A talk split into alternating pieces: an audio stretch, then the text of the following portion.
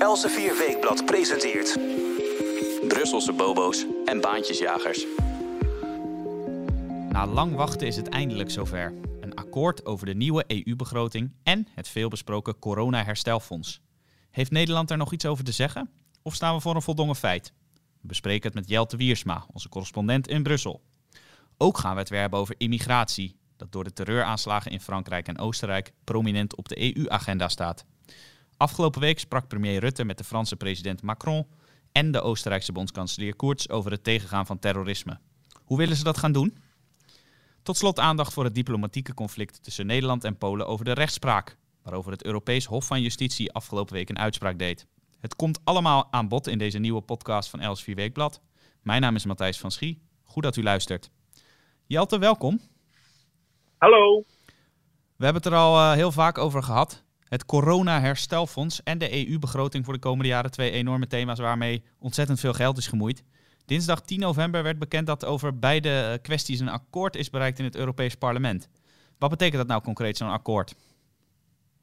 Nou, je moet je voorstellen dat uh, uh, door het verdrag van Lissabon, de Europese grondwet als het ware, waarin de spelregels staan hoe de EU functioneert, de uh, afgevaardigden in het Europees Parlement het recht hebben om uh, mee te praten en mee te beslissen over de EU-begroting. Zoals die afgelopen juli door de Europese regeringsleiders is voorgesteld. Dus de Europese regeringsleiders hebben een voorstel gedaan. Er moet een EU-begroting komen voor 2021 tot en met 2028. Maar dat is niet een beslissing nog. Dat is alleen een voorstel. En dat gaat dan uh, naar het Europees Parlement. En het Europees Parlement die mag dan zeggen van wij zijn uh, tegen of voor. En um, meestal werkt het zo dat het Europees Parlement zegt: Nou, wij hebben nog een aantal wensen. En wij willen onze macht ook even tonen. Dat, dat jullie niet zomaar aan ons voorbij kunnen gaan. En meestal zeggen ze dan: We willen een begroting die wat hoger is. En we willen nog uh, een aantal zaken een beetje anders. En dan stemmen ze in. En dat is afgelopen week dus gebeurd. Waarbij wel dient te worden uh, aangemerkt dat dat is niet definitief, want dit zijn de onderhandelaars van het Europees Parlement die dan gaan onderhandelen dus met de Europese Raad, met de regeringsleiders, om tot overeenstemming te komen. Het parlement moet formeel nog stemmen, dus we gaan zien hoe die stemming uitpakt. Uh, dat gaan we uh, uh, nog zien. Dus uh, het is nog niet helemaal zeker, maar in principe lijkt het toch wel zeker te zijn dat het parlement akkoord is. Ja, je zegt het al, het gaat nog even langs de Europese Raad, waar de regeringsleiders van de 27 EU-landen in zitten. En da daar zit natuurlijk ook premier Rutte bij. Maar kan premier Rutte gewoon uit zichzelf zeggen van ja, dat steun ik ook? Of moet hij dan eerst nog langs het Nederlandse parlement? Nee, dan, uh, dat hoeft niet meer langs het Nederlandse parlement normaal gesproken. Uh, de uh, ervaring leert dat er soms een beetje gerommeld wordt. En dat er zaken die een Europese EU-competentie zijn, dat die alsnog toch bij de nationale parlementen terechtkomen. We kennen natuurlijk het vrijhandelsverdrag met Canada. Dat is uitgehandeld door de Europese Unie. En formeel is dat een EU-competentie. Dus dan betekent dat alleen het Europees Parlement daarover gaat. Maar uiteindelijk hebben de regeringsleiders toen afgedwongen dat de nationale parlementen daar ook iets over mochten zeggen. En toen hebben we bijvoorbeeld gezien dat uh, in uh, Wallonië, het regionale parlement wat daarover gaat, uh, een blokkade opwierp in eerste instantie. En uh, zelfs uh, uh, in de Nederlandse Eerste Kamer, want het moet nog geratificeerd worden, ook al is het in werking, ze waren er ook grote twijfels over. Dus dat is heel fluïde in de praktijk. Hier, wat betreft de begroting, is het wel zo: het parlement bepaalt, het Europees Parlement en de nationale parlementen hebben daar eigenlijk dan niks meer over te zeggen. Nu is het zo dat voor het corona-herstelfonds dat niet zo is. Uh, jij hebt ook een, een, commentaar gewijd aan deze kwestie. Uh, vrijdag heb jij een stuk op de website gepubliceerd, ook te vinden in de beschrijving van deze podcast. Waarin je eigenlijk zegt, de Tweede Kamer zou hier wel degelijk nog tegen in verzet kunnen en ook moeten komen. Want wie pro-EU is, is tegen het corona-herstelfonds. Ja, maar dat gaat dus om het corona-herstelfonds. Dat staat ernaast. Dat is heel goed dat je dat even noemt. Dat zijn dus twee afzijdige uh, trajecten. Je hebt enerzijds de EU-begroting. Dat is zo'n 1000 miljard euro voor 2021, 2028. Dus ja, je moet rekenen zo'n 150 miljard per jaar. En daarnaast heb je het corona-herstelfonds van 750 miljard euro per jaar. Dat is eh, wel tijdens dezelfde EU-top in juli door de regeringsleiders uitonderhandeld. En dat was in die onderhandelingen ook wel onderdeel van het hele pakket. Dus uh, voorwaarden die in de, in de EU-begroting werden gesteld, hadden ook weer effect op voorwaarden die uh, voor het herstelfonds werden geëist, enzovoort. Maar dat is een op zichzelf staand uh, fonds. En het corona-herstelfonds heeft een nieuwigheid in zich. Dat is dat de Europese Commissie voor het eerst het recht krijgt om geld te gaan lenen op de kapitaalmarkt. En dat recht is een nieuwe competentie, of zou een nieuwe competentie zijn voor de Europese Unie. En uh, de, aangezien de nationale parlementen het monopolie hebben op begrotingen. Ze noemen dat dan het begrotingsrecht. Dat ligt exclusief bij de nationale parlementen. Is uh, het verplicht dat het langs de nationale parlementen gaat. Dus het corona-herstelfonds komt langs de nationale parlementen, waaronder de Tweede Kamer. Nou, in heel veel landen is het nationale parlement niet zo machtig. Um, maar in Nederland is de Tweede Kamer heel erg machtig. Dat is een van de machtigste parlementen, eh, formeel uh, en informeel misschien ook wel. Uh, dus de Tweede Kamer kan zeggen: wij gaan dit corona-herstelfonds uh, niet accepteren, want wij willen deze nieuwigheid, deze machtsoverheveling, want daar komt het op neer, deze noviteit niet introduceren. Want uh, uh, er zijn allerlei argumenten die wij hebben om daar tegen te zijn. En uh, het zou zomaar kunnen. Je ziet het, als je de verkiezingsprogramma's leest van de verschillende partijen in de Tweede Kamer, zie je toch dat de sceptisch behoorlijk is. En we gaan uh, dus zien hoe dat uitpakt. En, um, ik, heb, uh, ik kan ze wel een aantal argumenten ter hand doen waarom ze tegen corona-herstelfonds moeten stemmen. Ja, precies. dat wilde ik heel graag weten. En de luisteraar ongetwijfeld ook. zoals we weten zitten er in de, in de Tweede Kamer toch vooral partijen die uiteindelijk toch wel pro-EU zijn of zichzelf pro-EU noemen. maar zoals ik in de vorige vraag ook al zei, jij, jij stelt dus, als, juist als je pro-EU bent, dan moet je tegen dit corona-herstelfonds zijn. Nou, Kom maar op met die argumenten dan. Allereerst is het natuurlijk zo dat, en dan kan je het zien aan de cijfers van Eurostat en eh, CBS en andere uh, onderzoeksinstituten, dat um, de economieën van uh, de EU-landen een behoorlijke tik hebben gekregen door de lockdowns om corona terug te dringen. En wat nou zo aardig is, is dat de landen die als eerste corona binnenkregen, grootschalig en daar last van hadden, uh, Italië bijvoorbeeld, die hebben in het voorjaar moord en brand geschreeuwd en gezegd: uh, jullie andere EU-landen moeten ons helpen, financieel, want wij hebben enorme economische schade. Maar als je dan nu naar die Eurostat en CBS-cijfers kijkt, dan is de realiteit dat in het tweede en derde kwartaal van dit jaar inderdaad die economieën van de meeste EU-landen fors zijn gekrompen. Maar dat het herstel in het derde kwartaal bijna net zo groot is geweest. En als je dat middelt, het verlies in kwartaal 1 en 2 en de winst in kwartaal 3, dan zie je dat uh, bijvoorbeeld Duitsland ruim 4% economische krimp uh, kent. Maar dat geldt ook voor Italië en Frankrijk. Dus die zitten heel dicht bij elkaar. Dus het is niet zo dat Italië of Frankrijk extra getroffen zijn uh, ten opzichte van bijvoorbeeld een land als Duitsland. Dan geldt ook nog dat uh, de Europese Raad, de regeringsleiders, hebben afgesproken dat landen veel meer mogen lenen dan ze eigenlijk mogen volgens het Groei- en Stabiliteitspact. Dat zijn de euroregels. Hè. Niet meer dan 60% staatsschuld, een maximaal tekort van 3% op het nationaal inkomen wat betreft de staatsbegroting.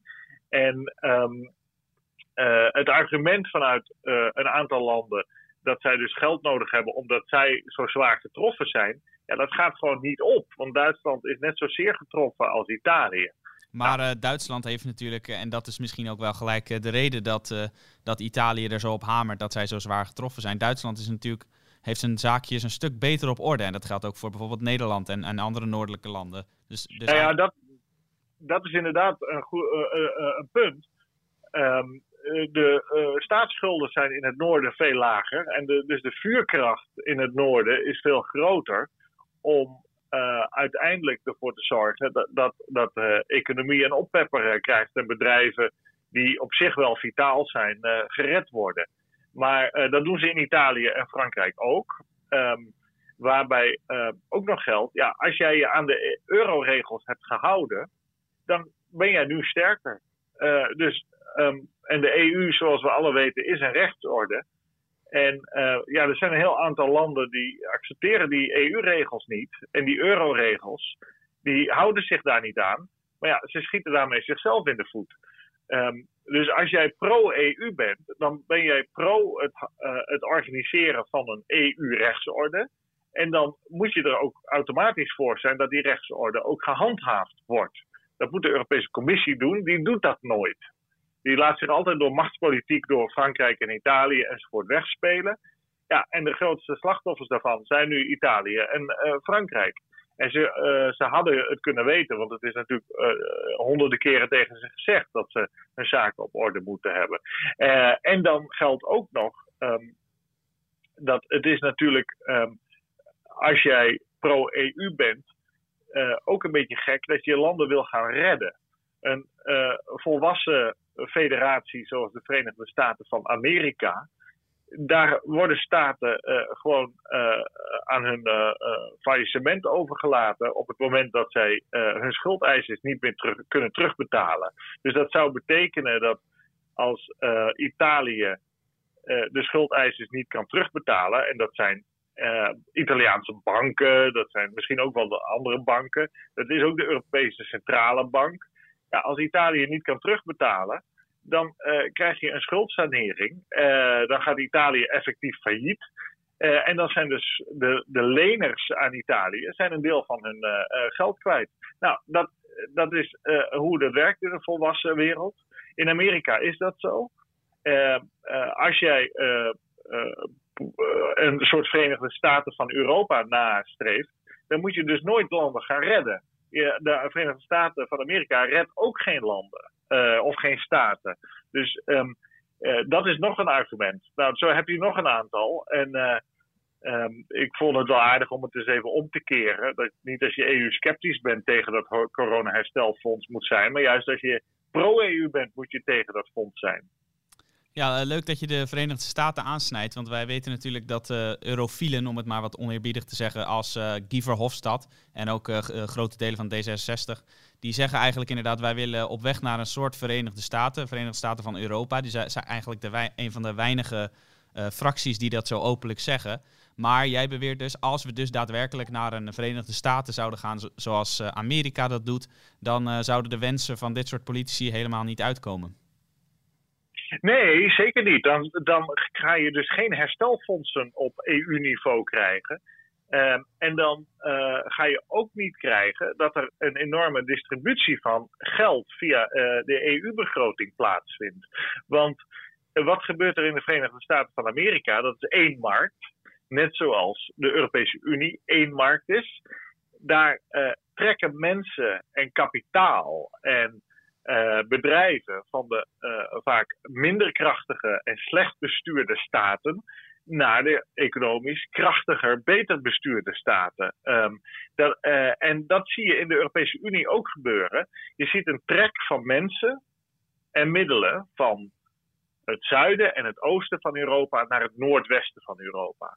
En dat is een logisch gevolg van de open grenzen enerzijds, uh, de vrije vestiging, dat je je overal als bedrijf en als burger mag vestigen, en anderzijds uh, uh, van die interne markt.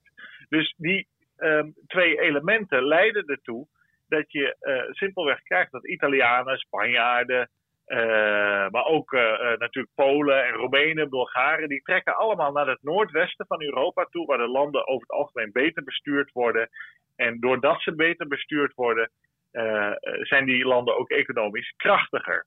En dat is, als jij dus volwassen bent als EU, dan is dat gewoon een fact of life. Dan laat je dat gebeuren.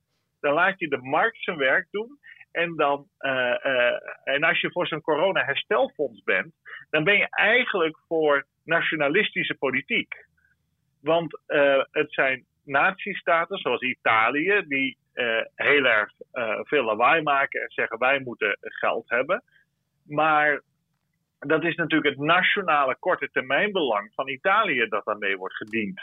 Het lange termijnbelang voor de hele EU is niet het individuele belang van Italië, hoe de economie er daarvoor staat. Nee, dat is het gemiddelde van de EU, hoe het gemiddelde van de EU ervoor staat. En als Italië het slecht doet, maar Duitsland en Nederland en Oostenrijk doen het heel veel beter en die compenseren dat verreweg en de hele EU-economie gaat wel omhoog, ja, dan is daar dus helemaal geen probleem te constateren. Dus het is eh, nationalistische politiek van uh, de Fransen, de, die het corona-herstelfonds eigenlijk hebben bedacht, uh, van de Italianen, om geld naar hun nationale staatskas over te hevelen.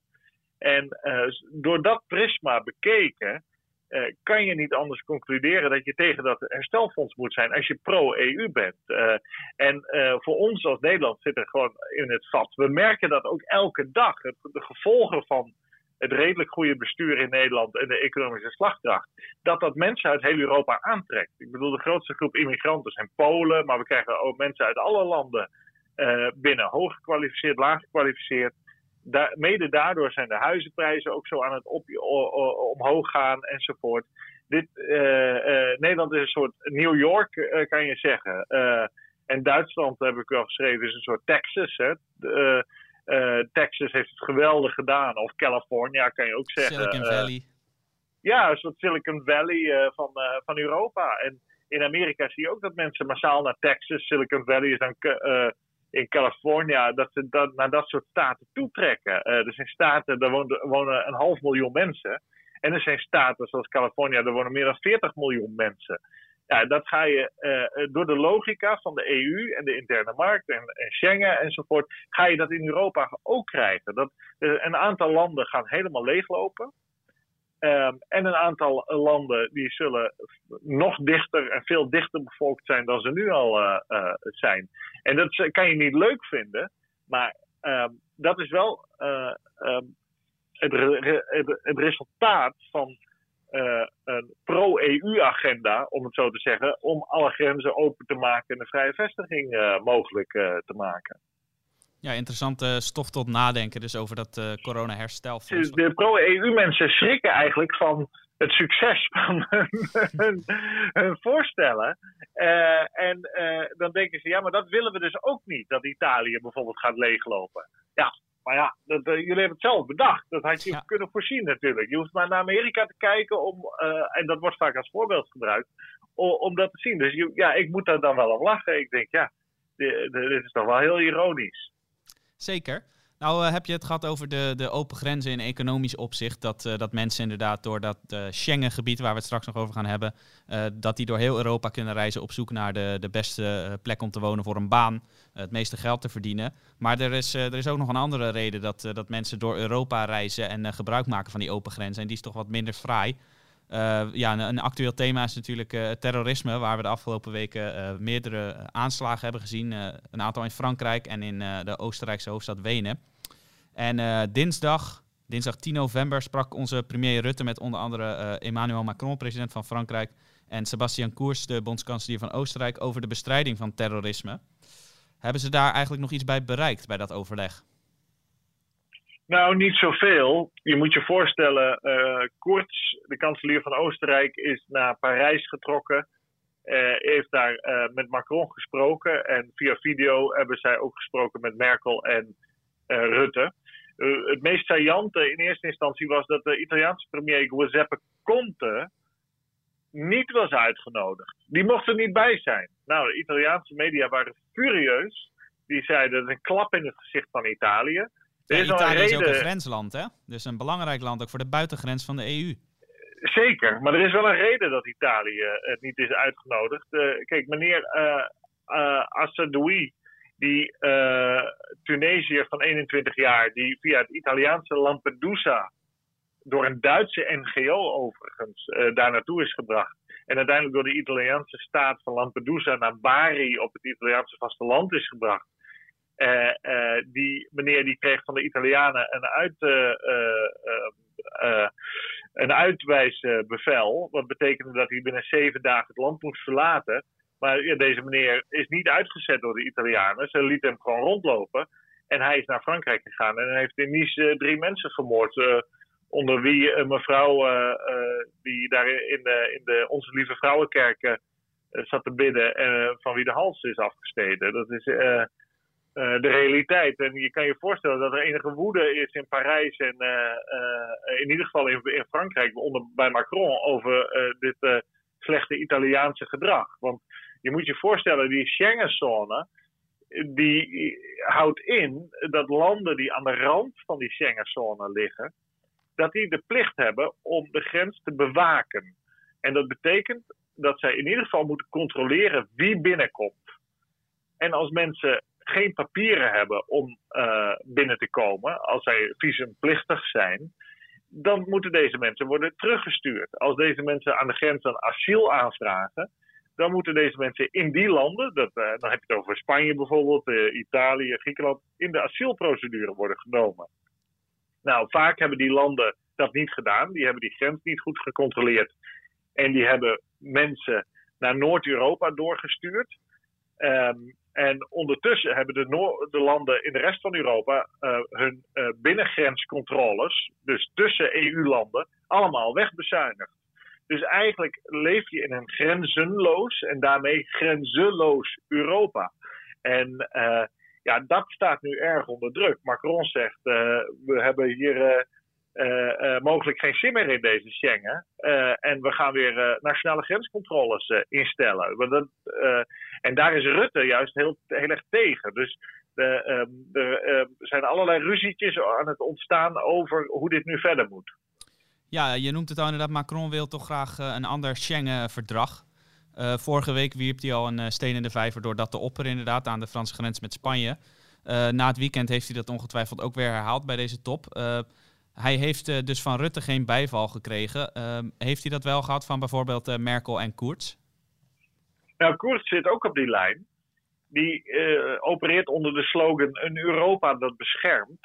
Um, en daar valt bij hem, wat hem betreft, ook wel meer controle aan de binnengrenzen, zoals dat genoemd wordt, onder.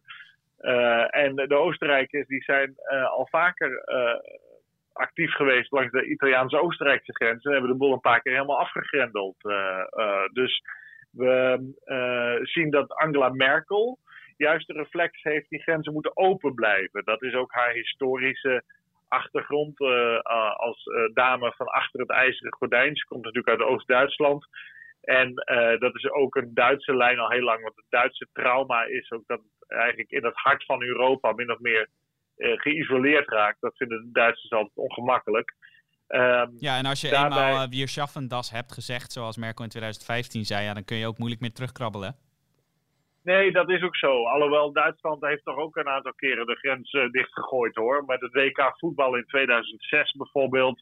Maar ook na Wir schaffen das zijn er stevige grenscontroles ingesteld in Duitsland. Onder meer door Beieren.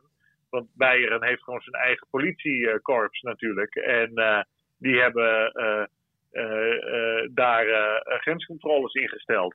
Maar het is een, een kwestie die nog wel even door gaat sudderen. Want in de, of tijdens de Europese top, de Europese Raad van Regeringsleiders in december, rond de 20 december is dat, gaan de regeringsleiders hier uh, nog weer over praten. Uh, en Macron heeft beloofd met concrete voorstellen te komen om Schengen te veranderen. Nou, dat is wel een revolutie, want Schengen wordt gezien als een van de grote verworvenheden van de Europese Unie. Dat je, dat je vrij kan reizen door die uh, Europese Unie. En er is al vaker geopperd, ook wel uit, vanuit Nederland overigens, door een aantal politici, van moeten we niet naar een kleinere Schengengebied? Zonder Spanje, zonder Italië, maar wel met Frankrijk en Duitsland en, en de Benelux en Nederland. Nou, dan ben je eigenlijk weer terug bij, bij het Schengen zoals het ooit in 1985 is afgesproken. Dat waren die vijf landen die ik noemde. En dan mocht Italië ook al niet meedoen, want Italië werd niet vertrouwd. Er zit een heel fundamenteel punt natuurlijk in dat je kan niet hebben als je afspreekt dat de landen aan de buitengrens die grens controleren, dat daar een regeringswisseling plaatsvindt. En, daar, en dus zoals in Italië is gebeurd, waar uh, een regering was met Lega en Matteo Salvini, de Lega-leider, minister van Binnenlandse Zaken was, en de immigratie bijna naar nul ging. Want die grendelde de boel gewoon af. En die stuurde al die Duitse uh, NGO-boten uh, weg. En die was heel effectief. Maar ja, sinds bijna anderhalf jaar hebben we in Italië een uh, PD uh, vijf sterren regering. Ja, en die zegt, nou ja, wij zijn wat milder. En wij willen wat meer mensen, wij laten gewoon wat mensen binnen. En die bepalen dan dus in Rome dat er mensen binnenkomen. En die mensen komen dan ook Nederland binnen. Dus de sleutel naar Nederland ligt in landen zoals Rome, in, in, uh, of in, in, in hoofdsteden zoals Rome, in Athene, in Madrid. En dat kan natuurlijk niet. Uh, als, je, als je wat afspreekt, dan uh, moet je het ook nakomen. En, uh, dus ja, al, die landen, al die landen die eigenlijk aan de randen van Europa liggen, je noemt ze al Italië, Griekenland en ook Spanje, die hebben eigenlijk hardliners nodig wat betreft immigratie. Wil de Schengenzone zoals die nu is goed kunnen functioneren? Zeker, ze moeten eigenlijk allemaal Salvini's of Orbán's, zo, hè, de premier van Hongarije, hebben die laten zien dat het prima mogelijk is om die grens af te sluiten. Er is heel vaak beweerd dat kan niet. Nou, dat is echt onzin. Dat is, uh, uh, dat is echt totale kwats. Het kan prima. Um, dat hebben uh, meerdere landen en politici laten zien. Alleen wat niet kan is natuurlijk dat je een regeringswisseling in zo'n land hebt. En dat, dat, dat ze dan opeens de grens weer openzetten. Omdat zij tussen haakjes humaan willen zijn. Want daarmee beslissen zij dus voor de he het hele Schengengebied. Nou, een van de oplossingen die wordt geopperd is uh, om Frontex, dat is de grenscontroleorganisatie, niet bewakingsorganisatie, maar grenscontroleorganisatie. Dat zit trouwens in Warschau in Polen. Uh, niet op de strategisch meest logische plek, maar goed. Die, die uh, club die moet worden uitgebreid. Dat is al gebeurd de afgelopen jaren. En uiteindelijk zou er een politiemacht moeten komen onder EU-vlag die die grens gaat controleren. Zodat niet meer de uh, nationale regeringen van die landen bepalen uh, hoe het gebeurt, maar dat alle landen samen bepalen dat die grens, uh, hoe die grens gecontroleerd wordt. En die, die nou, macht die, die van Frontex, want ik kan me herinneren, een jaar geleden geloof ik, langer zelfs al, namen we daar een podcast over op dat die uh, grensmacht ook bewapend zou moeten worden. En uh, we zijn inmiddels dus meer dan een jaar verder en dat is eigenlijk nog steeds niet gebeurd. Is dat nou typerend voor de EU op dit gebied? Nou ja, kijk, dat is een heel goed punt. Dat is het punt natuurlijk. Zo'n EU-grens of grensbewakingsmacht, dat komt maar niet van de grond. Het wordt ook helemaal niks natuurlijk. Er zijn allerlei praktische bezwaren tegen. Het is heel ingewikkeld ook juridisch, want je krijgt dan Nederlandse grenswachters in een EU-uniform op Italiaans grondgebied. Nou, ga er maar aan staan en hoe moet dat dan allemaal? En je kan je voorstellen, de eerste keer dat er een keer geschoten gaat worden, om wat voor reden dan ook, uh, uh, wordt iedereen weer in de media bewerkt, of in de meeste kranten, van oh, dit is schandalig wat Europa doet en het is niet humaan. Dus um, dat wordt allemaal heel ingewikkeld. Dus Macron die zegt dus eenzijdig, ja, ik ga mijn grensbewaking opschroeven. Ik ga van 2400 grenswachters naar 4800 grenswachters. Vooral aan de Italiaanse, Franse en uh, Spaans-Franse grens. En um, ja, dat lijkt mij de enige mogelijkheid. En er wordt vaak gezegd, uh, Rutte is daar één van. Van ja, die grens moet open blijven, want het is van economisch belang. Ja, dat is waar. Maar je kan natuurlijk die grens heel goed controleren, die binnengrenzen in de EU, zonder dat je uh, meteen iedereen daar uh, aanhoudt en de kofferbak gaat controleren en de paspoorten gaat controleren. Dat hoeft natuurlijk helemaal niet. Er zijn talloze mogelijkheden met slimme databases, die zijn er al op EU-niveau ook. Maar bijvoorbeeld kentekenuitwisseling van auto's en vrachtauto's en zo, die, dat wordt nog steeds heel slecht gedaan. Uh, er zijn allerlei vrij simpele mogelijkheden om aan die binnengrenzen, die nationale landsgrenzen, veel meer filters aan te brengen. En als je dat doet, dan zet je automatisch veel meer druk op uh, Griekenland en Italië en Spanje om hun eigen grens en daarmee ook de buitengrens van Schengen te bewaken. Want uh, ze weten dat ze dan de mensen die binnenkomen niet meer zomaar naar Noord-Europa kunnen reizen. Dat die mensen die er allemaal uitgefilterd zullen worden. Want als Oostenrijk, Zwitserland, geen EU-land, wel Schengen. En Frankrijk de Italiaanse uh, grens gaan uh, controleren, dan houden ze gewoon mensen tegen. Dan zegt u, u mag niet mijn land binnen, blijft u maar lekker in Italië. Ja, dan ja, zitten al die landen ermee opgescheept. Er, maar reken maar, dat hebben we eerder gezien, nadat Oostenrijk, Italië en uh, Zwitserland en Frankrijk de grens met Italië dicht hadden gegooid. Dat is gebeurd in, na de jaren 2015.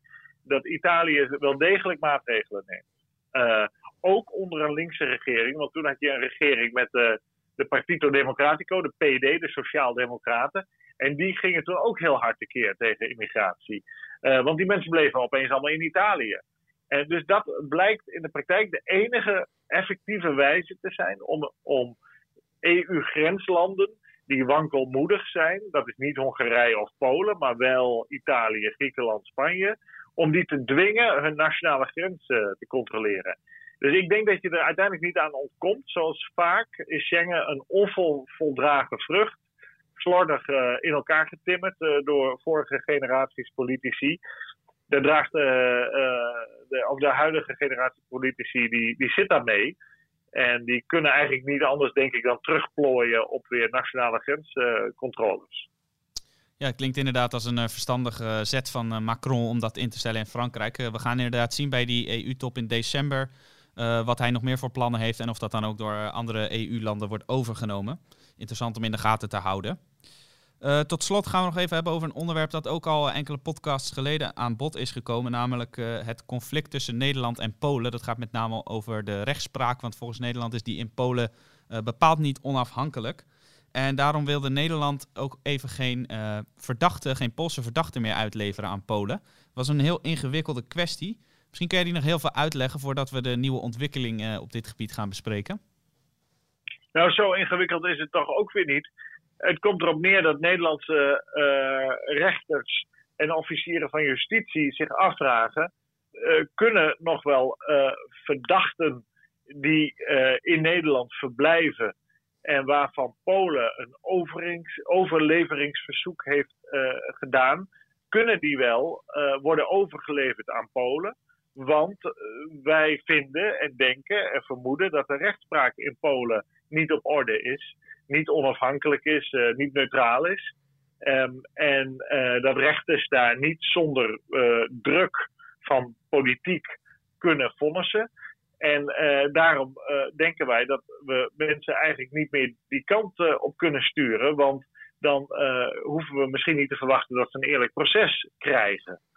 Nou, zo, eigenlijk zo simpel is het. Een, een overleveringsverzoek uh, is overigens niks anders dan een uitleveringsverzoek. Alleen binnen de Europese Unie rechtsorde wordt het een overleveringsverzoek genoemd. Maar het is gewoon de uitlevering van een verdachte. Je moet je voorstellen, een, een, een, een, Pool heeft in Polen iets uh, misdaan die is naar Nederland getrokken en uh, Polen weet dat. En uh, die man die wordt hier staande gehouden door de politie. En uh, dan vraagt Polen aan de, aan de, Nederlandse autoriteiten: wilt u die man even naar ons terugsturen? Want wij willen deze man graag voor de rechter brengen. En het geldt ook voor mensen die al in Polen bijvoorbeeld veroordeeld zijn, nog een straf moeten uitzitten, maar in Nederland verblijven. waarvan Polen zegt: wij willen die man of vrouw graag in ons land hebben. Kunt u die overdra overleveren aan ons, dan kunnen wij deze meneer of mevrouw hun straf of uh, laten uitzitten of boete laten betalen. Dus daar gaat het om. En uh, het ja, even, even, sorry, ik wil nog even vragen. De, dit soort praktijken, dat, uh, dat landen als Nederland verdachten niet willen uitleveren aan hun uh, land van herkomst, dat, dan denk ik gelijk aan landen als Iran of andere dictaturen waar bijvoorbeeld politieke vluchtelingen vandaan komen, die worden vervolgd.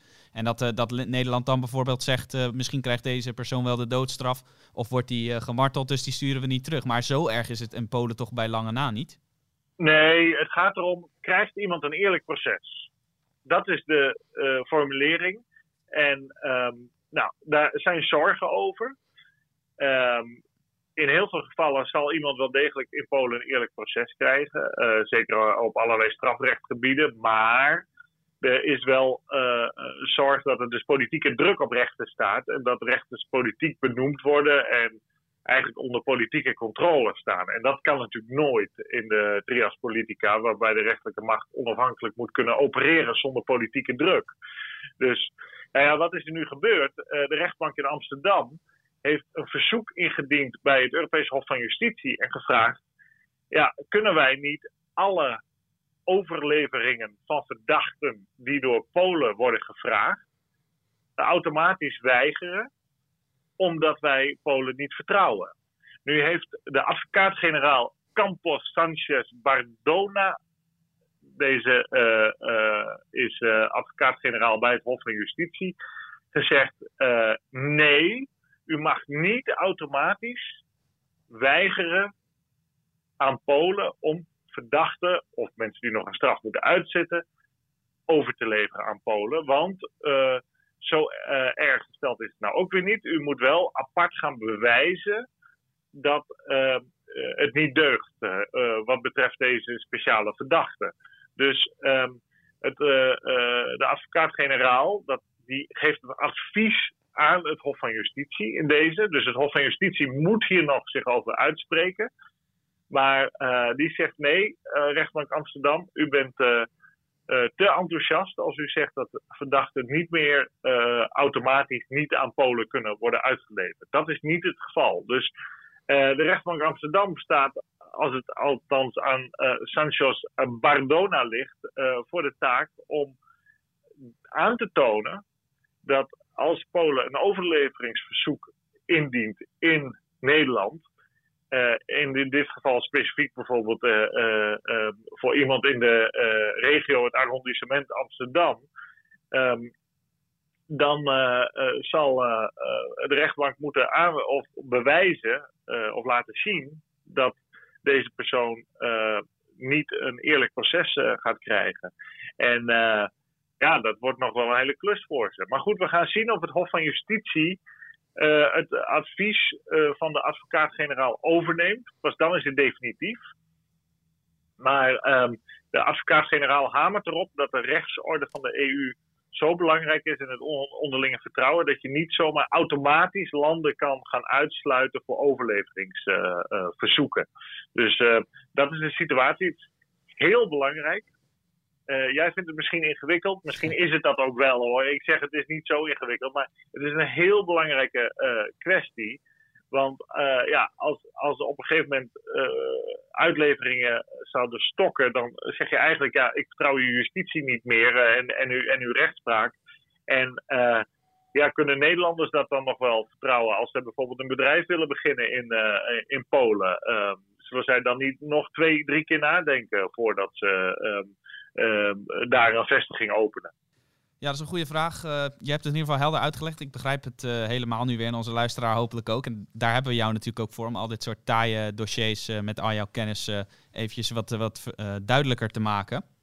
Het is nogal wat zo, die hele EU. Ruzies over, over rechtspraak, conflicten over migratie, conflicten over geld, het herstelfonds. Dat moet jou toch ook niet altijd even vrolijk stemmen dat het af en toe zo'n puinhoop lijkt in die EU. Oh, dat is toch heerlijk? dat houdt ons aan het werk, dat houdt de mensen vermaakt. En je moet je ook voorstellen, Europa is historisch altijd een chaos geweest. Dat is, er is wel geprobeerd natuurlijk om het onder één uh, uh, te brengen. De Romeinen hebben daar lange tijd uh, succes wel mee gehad, maar toch ook niet heel Europa. Het noorden, dat is, zeg ik als Fries, nooit gelukt. Want tegen de Friese konden ze niet op natuurlijk. En um, zo, zo zie je dat. Nou ja, Napoleon heeft het geprobeerd en nog een hele reeks. maar dat lukt uiteindelijk niet.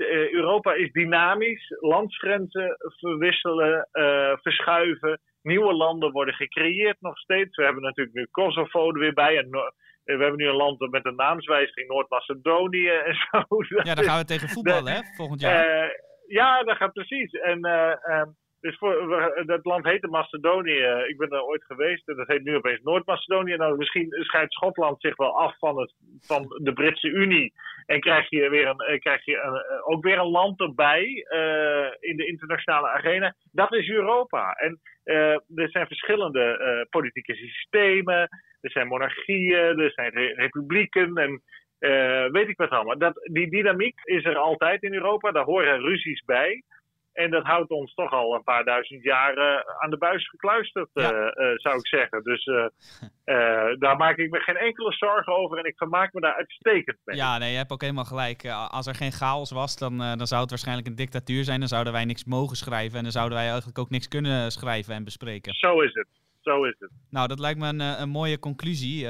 als je nou meer van dit soort interessante verhalen wilt beluisteren en en lezen, dan kunt u uiteraard op de website van Elsevier Weekblad terecht, ewmagazine.nl. Ik wil u er vast op attenderen dat wij niet langer Elsevier Weekblad heten per 1 december, maar EW, dus houd dat in de gaten. Verder verandert er niks.